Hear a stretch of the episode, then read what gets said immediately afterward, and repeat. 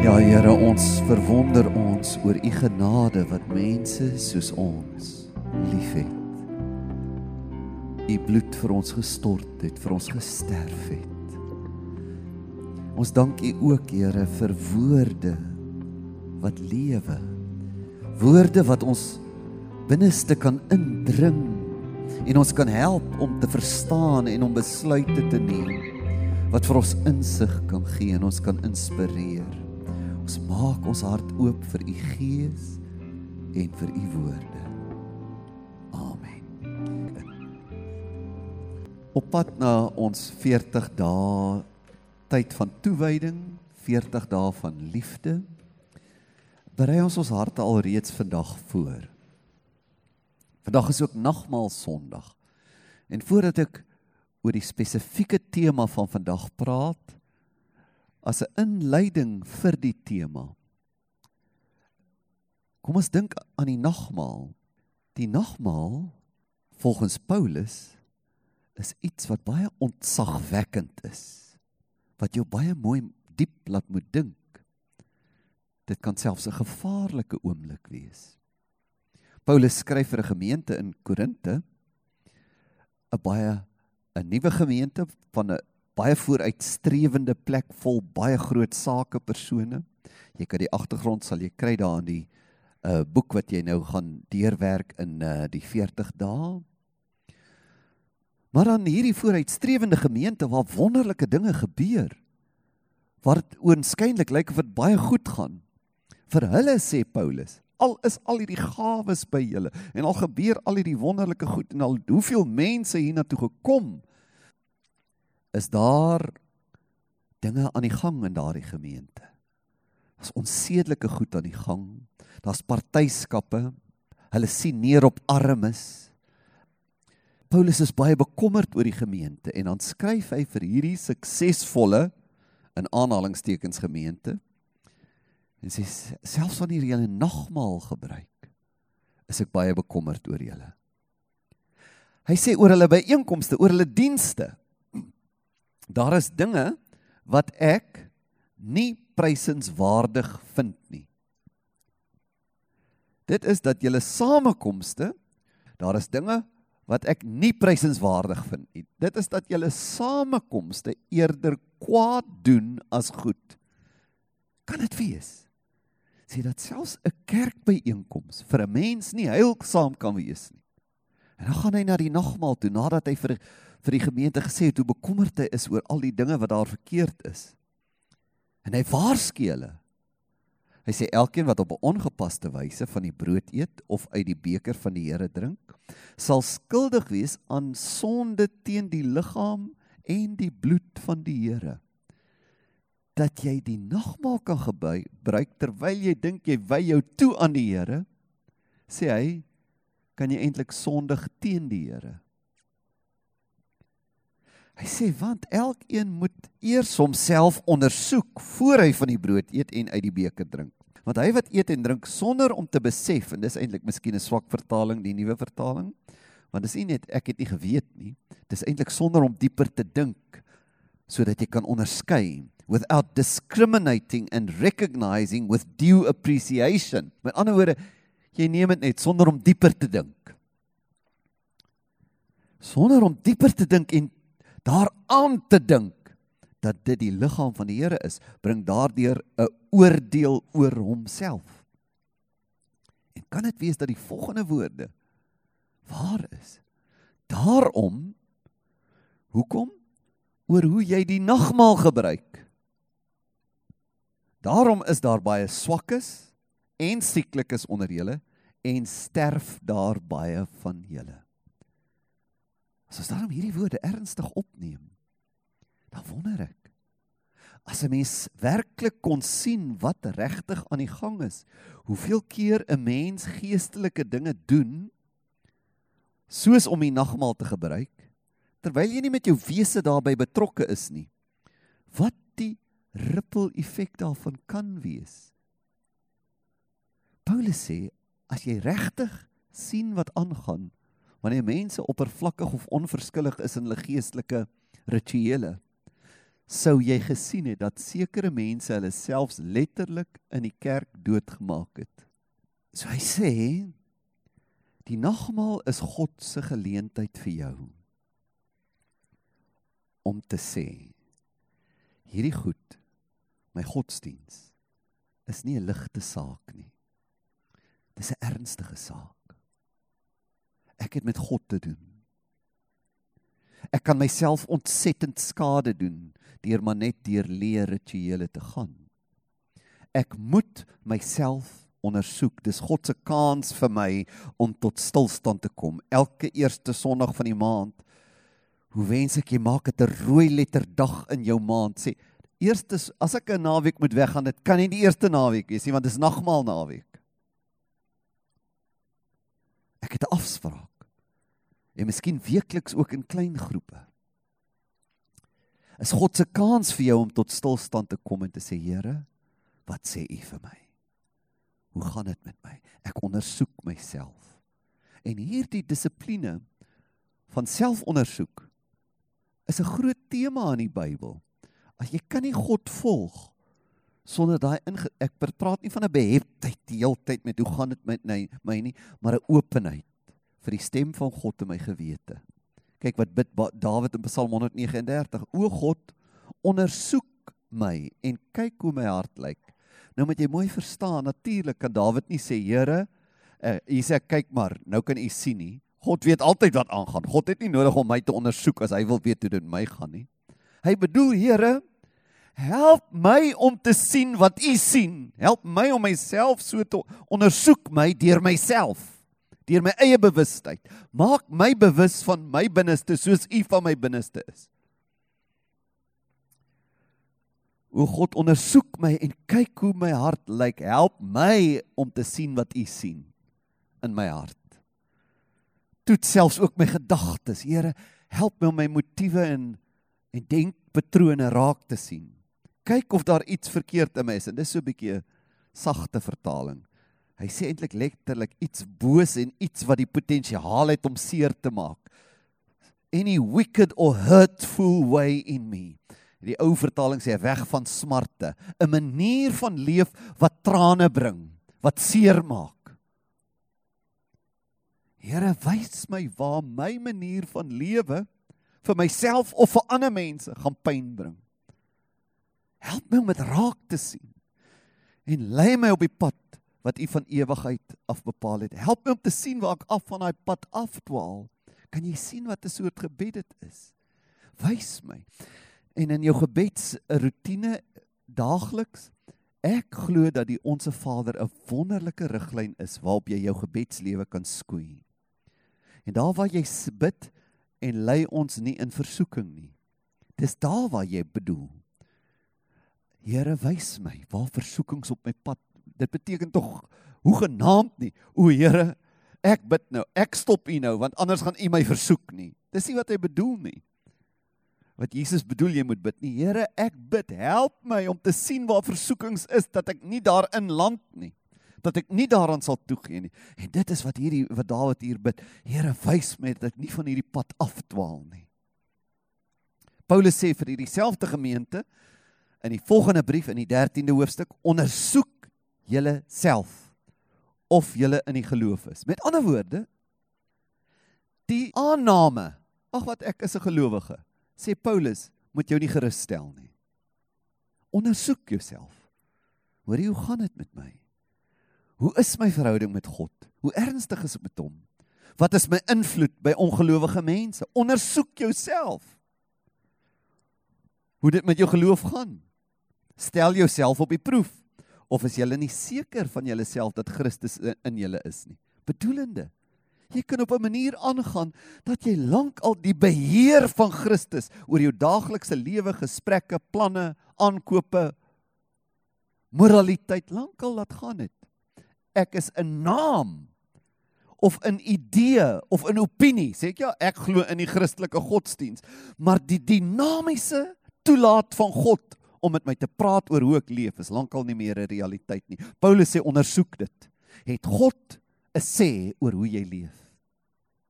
Ondersoek jouself. As jy ten minste nie verwerplik is nie. Hy sê wat jy moet uh, agterkom is, jy kan op 'n manier leef dat jy dink dit gaan met my goed. Maar as jy regtig met God te doen, sal hy sê eh, jou lewe is vir my nie aanvaarbaar nie. En om oop te wees daarvoor, nie 'n oorgerusheid te hê nie, te sê ek is oop daarvoor. Here, wys my, help my. Message paraphrase sê test yourselves to make sure you are solid in the faith. Don't drift along taking everything for granted. Maar net so aangaan nie. Is 'n diep selfondersoekende. Praat nou nie van 'n morbiede beheptheid met myself nie. Ek praat van 'n openheid. Here, ek aanvaar nooit ag ek is so gesond, ek is so oulik, my geloof is so sterk nie. Ek is nederig en oop dat U met my kan werk. Don't drift along taking everything for granted. Give yourselves regular checkups. You need first hand evidence, not mere hearsay, that Jesus Christ is in you. Test it out. If you fail the test, do something about it. Hoe weet jy I'm failing the test? Jou gewete sal vir jou sê. As jy 'n nederige openheid het, kom jy agter, ek weet iets dinge waarna ek moet aandag gee and do something about it. So hierdie selfondersoekende lewe en in hierdie 40 dae is dit wat ons nou doen. Ons sê ek gee myself vir een tema. Hoe gaan dit met my liefde vir God, my toewyding vir hom? Hoe gaan dit in my huwelik as ek getroud is of in my verhoudings? Here, laat u soeklig op my val. Maak my oë oop. Die tema van vandag wil ek net verduidelik. Ons sê wanneer een beter as twee is. Ek wil tog nie jy met die tema misverstaan as jy dalk vir jou man gesê het ja sien jy tot koes weet hoe gaan dit in ons huis een is maar beter as twee hierso dis glad nie ons besie verhoudings nie. Dit met jou hart te doen. Om nie 'n verdeelde hart te hê nie. Om te sê Here maak my hart weer gefokus dat ek vir een ding leef. Liefde vir u en vir mense. Om 'n hernuwe hernieude fokus en toewyding te hê. So in hierdie 40 dae gaan ons praat oor die liefde. En as Markus vertel hoe Jesus geantwoord het toe hulle hom vra wat is die groot gebod, sê hy so, hy haal die hele Ou Testament vers aan. Hy sê Jesus het gesê die eerste van al die gebooie is: "Hoor Israel, die Here ons God is een Here." En dan moet jy die Here jou God lief hê met jou hele hart, met jou hart moet een wees. Daar moet nie dele van jou hart wees of van jou lewe wat hom nie liefhet nie. Jy moet God lief hê met een hart. Nie hierdie deel van my hart lê by dis hoe ek partytjie hou en daai deel van my hart, wel dit is nou maar hoe ek praat en hierdie deel van my hart is hoe ek my geld maak en hierdie deeltjie van my hart is hoe ek God lief hê. Jy daar's net een God. Jy het net een hart en dit moet God se wees. Jy moet hom lief hê met jou hele hart, hele siel, hele verstand, hele krag. En dis wat ons wil doen in hierdie tyd. Dit is absoluut menslik. Eers eendag as ons in die hemel is, sal ons hart nie meer dwaal nie. En reg deur die kerkgeskiedenis in alle groot geestelike leiers se vertel van hulle verhaal en hoe God met mense maak het ons seisoene waar ons gefokus raak. Wag. 'n Dieper toewyding, 'n soort toewyding wat net uitsonderlike mense aanhoudend kan hê, maar as 'n gemeente sê ons nou hierdie 40 dae so tyd, wys my Here, help my. Maak my iemand met 'n dieper liefde vir U en vir mense. Ek wil een hart hê. As 'n verhaal in die Ou Testament van 'n koning Asa Israel jy sal onthou was die twee stamme Juda en Benjamin hulle en dan die res van die Israel. Nou Juda, die stam van Juda was daar in in Jerusalem en daai omstreke en die res van Israel, dit is twee koninkryke. En in die tyd het ehm uh, die uh, Asa die koning van Israel het ek nou die ding reg Nee nee nee, die eh, Baba Esa die koning van Israel. Die, die eh, koning van Juda Asa aangeval. En nou hulle daar in Jerusalem en hulle sluit die poorte en hulle hierdie ouens gaan gaan hulle eie broers doodmaak. En dan stuur Asa 'n boodskap na die koning van Aram daar in Damaskus en hy sê: "Hoorie, Aram, jy help nou mos vir Israel. Asseblief, breek jou verbond met hulle want ons paas het 'n ooreenkoms gehad. Help jy eerder vir ons." En dan doen daardie koning Aram dit. En hulle oorwin toe vir Israel en en en en Asa se plan werk fantasties. Israel is verdryf. Juda is weer veilig. Ek sou hom 10 uit 10 gegee het. Maar dan kom 'n profeet na hom toe. Die profeet sê vir hom: "Asa, toe jy nou daai plan gemaak het om hierdie ander koning te vra om jou te help. Dink jy jy het dit by God gekry of was dit jou eie plan? Jou hart was nie by God nie al het jou plan uitgewerk en dit was suksesvol en jy's nou veilig, is God ontevrede met jou. En die res van Asa se lewe was hy rebel teen God. Hy wil sommer daai profeet ook doodmaak. Dan sê die profeet vir hom: "Die feit dat jy in jou krisistyd jou toewyding van God af weggeneem het, jou eie planne gemaak het, sê iets van jou hart. Jou hart is nie diep afhanklik van God nie." En dan kry jy hierdie juweel van 'n vers in daardie episode. 2 Kronieke 16 vers 9. Hy sê want jy verstaan nie hoe God is nie. Hy sê God is so. Sy oë deurloop die hele aarde.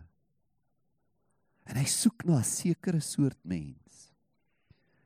Die soort mens wat hy kragtig gaan ondersteun in sy lewe. Watter soort mens?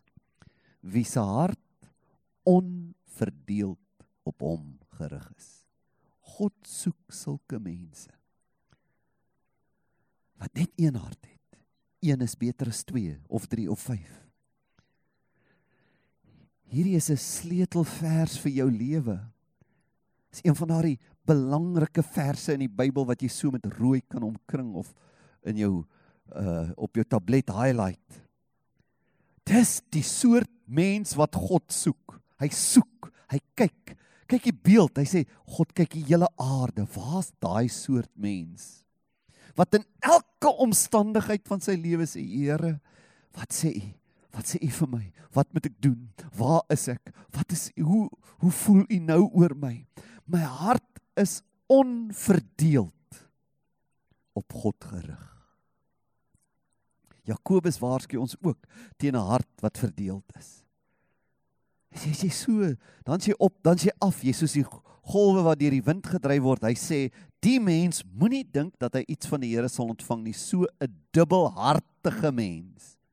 'n Mens met twee harte is onbestendig in alles. Onbestendig in alles. Kan jy sien hoekom sulke tye soos hierdie 40 dae nodig is? Dis 'n tyd wat ek sê, Here, ek wil eerlik wees. Waar's my hart? Want Jakobus sê, as jou hart nie een is nie, as daar nie in jou 'n diep erns en toewyding aan God is nie, gaan dit alles van jou lewe affekteer. In al jou weë gaan jy daai toewyding kort. Selfs in die dinge waarin jy suksesvol is soos Asa, selfs die goed wat jy reg doen, gaan besmet wees met iets van 'n onafhanklikheid van God. Hy sê moenie dink God kan jou help as jy nie een hart het nie. Onthou jy Martha en Maria in die klein groepe praat, praat ons ek dink in die 2 weke daaroor.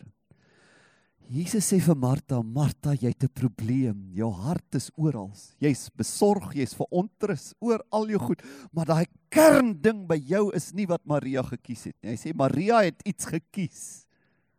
Die een ding wat nodig is. Here, ek kies dat die een belangrikste iets in my lewe om te vra altyd sal wees. Hoe gaan dit nou met my en God? Dis die een ding. Want Maria het aan sy voete gesit, na sy woorde geluister. Here, hoe gaan dit met daardie verhouding in my lewe? En om mee af te sluit vandag wil ek 3 dinge noem wat jou kan vernuwe in hierdie tyd wat kom of drie dinge wat 'n mens kan vernietig en is dieselfde dinge. Die eerste woord is gedetermineerdheid. Mense, as jy nou 'n besluit neem oor hierdie tyd van toewyding, Hier is 'n menslike struik. Is amper 'n raaiselagtige iets in ons. Jy kan geen groot ding aanpak sonder 'n gedetermineerde besluit nie.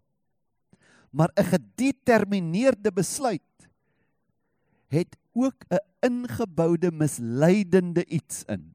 Naamlik baie keer as ons so groot besluit geneem het, dink ons die feit dat ek die besluit geneem het is die grootste ding. Dit is nie. Ek het nou besluit. Ek het nou besluit vir hierdie dieet. Ooh, nou sit ek. Ag, Jesus, ek voel sommer klaar maar. Jy kan nie op die dieet gaan as jy nie die besluit geneem het nie, maar die besluit is nie die dieet nie. Vra my, ek was al triple X, ek was al M, ek was al XL, XL. Ek is dan nou net by L. Maar jy mislei jouself as jy die besluit geneem het van nou af oefen ek. Ooh, ek het die tekkies gekoop, ek het alles gedoen. Die besluit is nie die oefenprogram nie. Maar jy kan nie op die oefenprogram sonder die besluit gaan nie. So gedetermineerdheid, entoesiasme is nodig maar daar's iets dieper nodig. En baie keer neem ons 'n besluit vir iets en dink, nou voel ek sommer ek het dit klaar bereik. En dis wat teen Jesus waarsku in Lukas 14. Hy sê, want wie van julle wat 'n toring wil bou, gaan nie eers sit en die koste bereken of hy die middele het om dit uit te voer nie, sodat hy die as hy die fondament gelê het, nie in staat is om dit te voltooi nie. Almal wat dit sal sien, nie miskien hom sal begin spot en sê hierdie man het begin bou en hy kon nie klaar kry nie. So Jesus sê bereken die koste. Sê vir jouself, ek praat nou vandag veral oor hierdie 40 dae. Ek gaan elke Sondag bywoon. Ek gaan die dagstuk elke dag lees. Ek gaan hom mediterend lees. Ek gaan 'n oefening van meditasie in my lewe inbou. Ek gaan by 'n klein groep bespreking. Ek gaan elke uh, uh, week hierdie temas luister. Ek kan my toewy aan hierdie tema.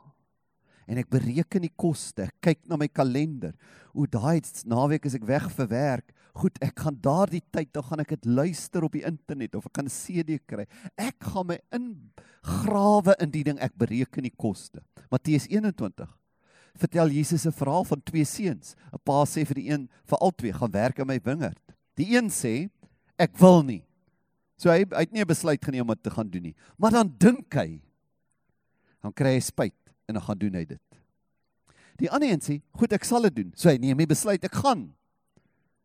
Maar hy het nie werklik in sy hele wese gedink ek wil my pa gehoorsaam nie. Toe hy later voel, "Ag, is nou 'n bietjie warm vandag. Ag, ek gaan dit liewer nie doen nie."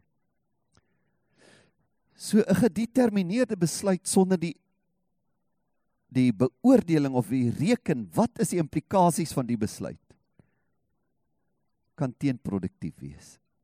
En dis wat Jakobus sê. Hy sê word daders van die woord en nie net hoorders wat hulle self bedrieg nie, want iemand wat 'n hoorder van die woord is en nie 'n dader nie, dis soos 'n man wat sy natuurlike gesig in 'n spieël sien. Want hy sien homself en gaan weg en vergeet dadelik hoe hy gelyk het. Ek vergeet van my besluit want hier's nou nuwe dinge waarvoor ek lus is. O nee, ons vriende het ons nou genooi ons het 'n bietjie partytjie daar by Nysna. Ag los Sondag. 40 dae ag wat los. Vergeet dadelik van die besluit.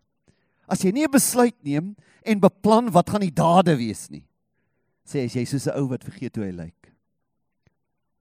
Maar hy wat diep insien, dieper dink in die volmaakte wet van vryheid en daarby bly hy sal omdat hy nie 'n vergeetagtige hoorder is nie, maar 'n dader van die werk, gelukkig wees in wat hy doen. So gedetermineerde besluite, entoesiasties sonder beplanning vir die implikasies is fataal. Maar tog moet jy 'n besluit neem. 'n Tweede woord is gewoonte. Gewoonte kan jou vernuwe of dit kan jou vernietig is 'n wonderlike ding om sekere vaste gewoontes in jou lewe te hê. In jou geestelike lewe. Dis hoe dit werk in my lewe. Maar daarmee is daar ook 'n risiko dat baie keer raak gewoontes iets wat die vorm hou aan, maar die dieper belewenis daarvan gaan verlore. Die fariseërs en die skrifgeleerdes sien Jesus se disippels En as hulle eet, was hulle hulle hande nie op die manier wat hulle voorskryf nie. Moet nou nie dink Jesus en sy disippels was onhygiënies nie. Daar was 'n sekere manier hoe jy ritueel jou hande moes was voordat jy eet. En Jesus en sy disippels het sommer hande af, was spoel dit gou af. En dan is die fariseërs baie ontsteld. En dan sê Jesus vir hulle: "Julle is soos die mense van wie Jesaja praat. Julle eer my met die lippe, maar julle hart is ver van my af. Met ander woorde, julle het nog geestelike gewoontes. Die gewoonte het aangehou. Maar die diep begeerte van die hart om 'n verhouding te hê, is weg. Dit laat my dink aan Amos. Amos gaan so ver as om vir die volk te sê dat God luister na hulle liedere. Hy sê verwyder vir my van my die geraas van julle liedere. Julle liede is klink nog presies dieselfde as altyd. Selfe liede, selfe instrumente, selfe woorde. Maar nou vir my wat God is, is dit nie mooi nie. Hoekom? Die vorm is dieselfde, maar die hart is nie daarin nie. Na die geluid van julle harpe wil ek nie luister nie, want dit affekteer nie julle lewens nie. Laat die reg aanrol soos watergolwe en 'n regte lewe soos 'n standhoudende stroom. So gewoontes is goed. Maar om net jaar in en jaar uit gewoontes te hê en nie selfondersoek te doen, hoe leef ek? Wat doen ek? Wat doen ek met my tyd? Wat doen ek met my geld? Hoe gee ek om vir ongelowiges? Wat gaan regtig in my wese aan? Die skrif waarsku ons teen sulke gewoontes. En laastens drie dinge wat jou lewe kan vernietig: gedetermineerdheid sonder om implikasies te beplan, gewoontes sonder om 'n diepte ervaring te hê en dan geleidelikheid. Geleidelikheid is 'n wonderlike ding om treukie vir treukie te vorder. Soos wanneer jy wil fiks word, nê? Jy gaan stap eers 'n bietjie en dan draf jy 'n rukkie, stadig maar seker raak jy geleidelik al hoe fikser. So so ook in ons geestelike lewe. Oor jare se gewoonte vormende dissiplines oor en oor getrou in die goed wat ek moet in getrou wees sonder dat ek selfs kan sien groei my karakter groei my ywer groei my invloed oor mense groei die vrede in my gemoed, groei dit hoe ek is, my karakter. Maar aan die ander kant is daar ook 'n geleidelikheid waar ek nie agterkom ek gaan agteruit nie.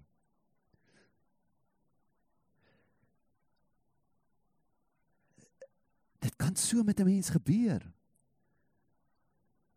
Net soos dit jy geleidelik fikser word, raak jy ook geleidelik onfikser. Voor jy weet, 3 weke ag, ek kan nou nog gaan hardloop. 4 weke, 2 maande. Oei, ek het al my fiksheid verloor.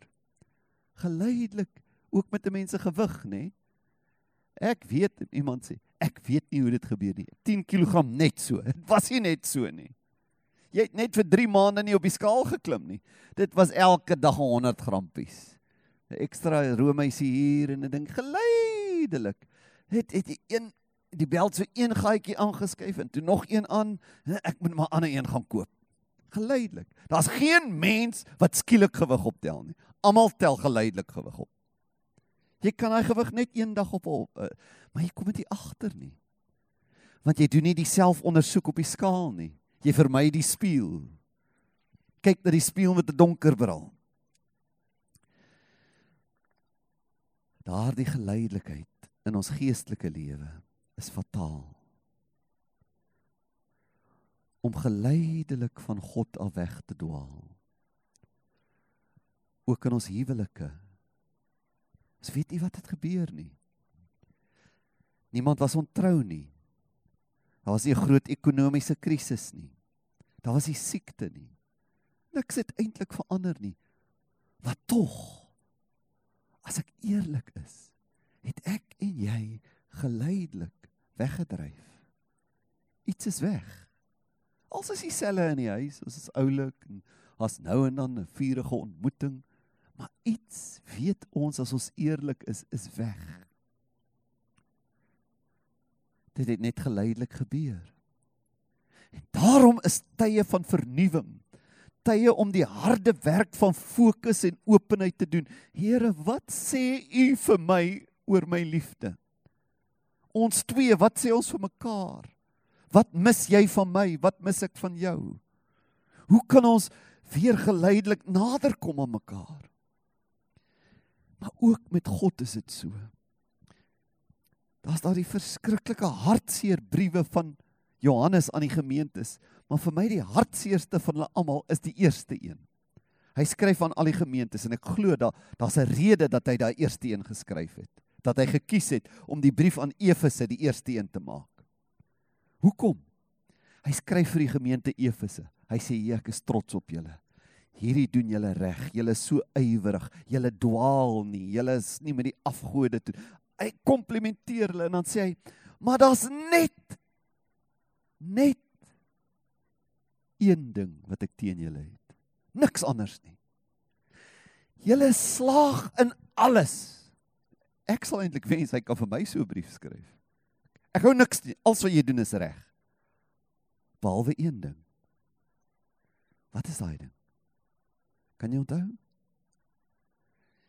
Jy het jou eerste liefde verlaat. Jy het geleidelik terwyl jy als reg doen. Daai daai vonk. Daar waar jy was met God. Daai kinderlike vertroue. Voordat jy enige iets doen, het jy eers gebid en gewag vir leiding en gewonder wat sê die Here hiervan. Jou getrouheid in die gemeente, jou getrouheid in jou bydraes, jou jou diep liefde vir die skrif. Alles is nog amper dieselfde, maar is net nie meer dieselfde nie. Dis asof God sê, daar's iets in my wat verlang na hoe jy was en jy is nie meer so nie. Ek mis jou. Dis amper God se pleit liefdesbrief aan 'n mens. Wat het ek aan jou gedoen dat jy so van dat jy my nie meer liefhet soos jy altyd gehad het nie? Iets is weg. En dit geleidelik weggeraak. Want als is dieselfde. Dit net soos geleidelik geskuif. Dis hoekom mense ons hierdie 40 dae het. In week 1 praat ons volgende Sondag oor ons liefde vir God. Jy het 'n liefdesverhouding met hom. Ons wil herstel daarin. En dan daai brief aan die Laodisense in Openbaring daarmee sluit ek af. Vir hulle sê hy: "Ja. Daar's iets fout by julle. Want julle is nie koud nie, julle is ook nie warm nie. Wat is julle? Lou." Ek ken lou koffie. Ek is 'n persoon wat baie vroeg opstaan baie vroeg. Ek is donker op, maar my vrou sukkel so 'n bietjie om. So sy gelukkig nou nie vandag nie. Dan vat ek vir haar vroeg koffie. En dan gaan ek so halfuur later gaan haal ek die koffie weer. Gaan maak ek dit weer warm tot sy nou die koffie drink. Maar geleidelik word daai koffie lou. Jy sit dit nie neer, nou is dit warm en nou is dit lou nie. Jy moet so halfuur gee vir die lou. En dis wat met ons is. Laat gaan hier iets. Laat daar iets toe. Begin hierdie woorde gebruik, daai ding doen. Ekskuus tog. Laat staan hierdie gebedslewe geleidelik. Hy sê maar die ergste van hierdie mense is hulle het nie agtergekom nie. Daai koffie kom die koffie dink nog ek is stomend en dan sy lankal lou. Hy sê julle dink nog julle is warm want julle sê dit gaan met my baie goed. Hy sê ek is verryk geword. Ek het niks, daar's niks fout nie. Sê jy weet nie eers jy's elendig nie. Die ding van geleidelikheid is dit verblind jou. Jy dink nog alles is reg dan is dit nie. En daarom is dit nodig om met nederigheid te erken in my menslikheid kan ek dink dit gaan met my goed, maar dit gaan nie met my goed nie. Die feit dat jy voel dit gaan goed is nie 'n bewys dit gaan goed nie. Dis kom ons in hierdie 40 dae sê Here, wys my. Help my. Ek voel nie daar's iets verkeerd nie, maar dit beteken niks. Want geleidelikheid het my blind gemaak met hierdie mense. Hulle sê daar's niks fout nie. Ons het geen gebrek nie. Hy sê en julle weet nie, julle is kaal. As God na jou kyk, sien hy al jou skandes en jy weet dit nie eers nie. Jy's arm en jy's blind. En dan raai hy daai mense aan. Kry salf by my laat jy God se salf in jou oë sit dat jy kan sien hoe God jou sien. Want hy wil jou help dat jy weer warm sal wees en nie lou nie. Kan ons onsself vandag voorberei en sê Here, ek meld aan. Wys my in hierdie 40 dae hoe lyk my liefde vir U? My liefde vir my man of vrou as ons getroud is? My liefde vir medegelowiges, my liefde vir ongelowiges. Wys my dit. Hier is ek, Here.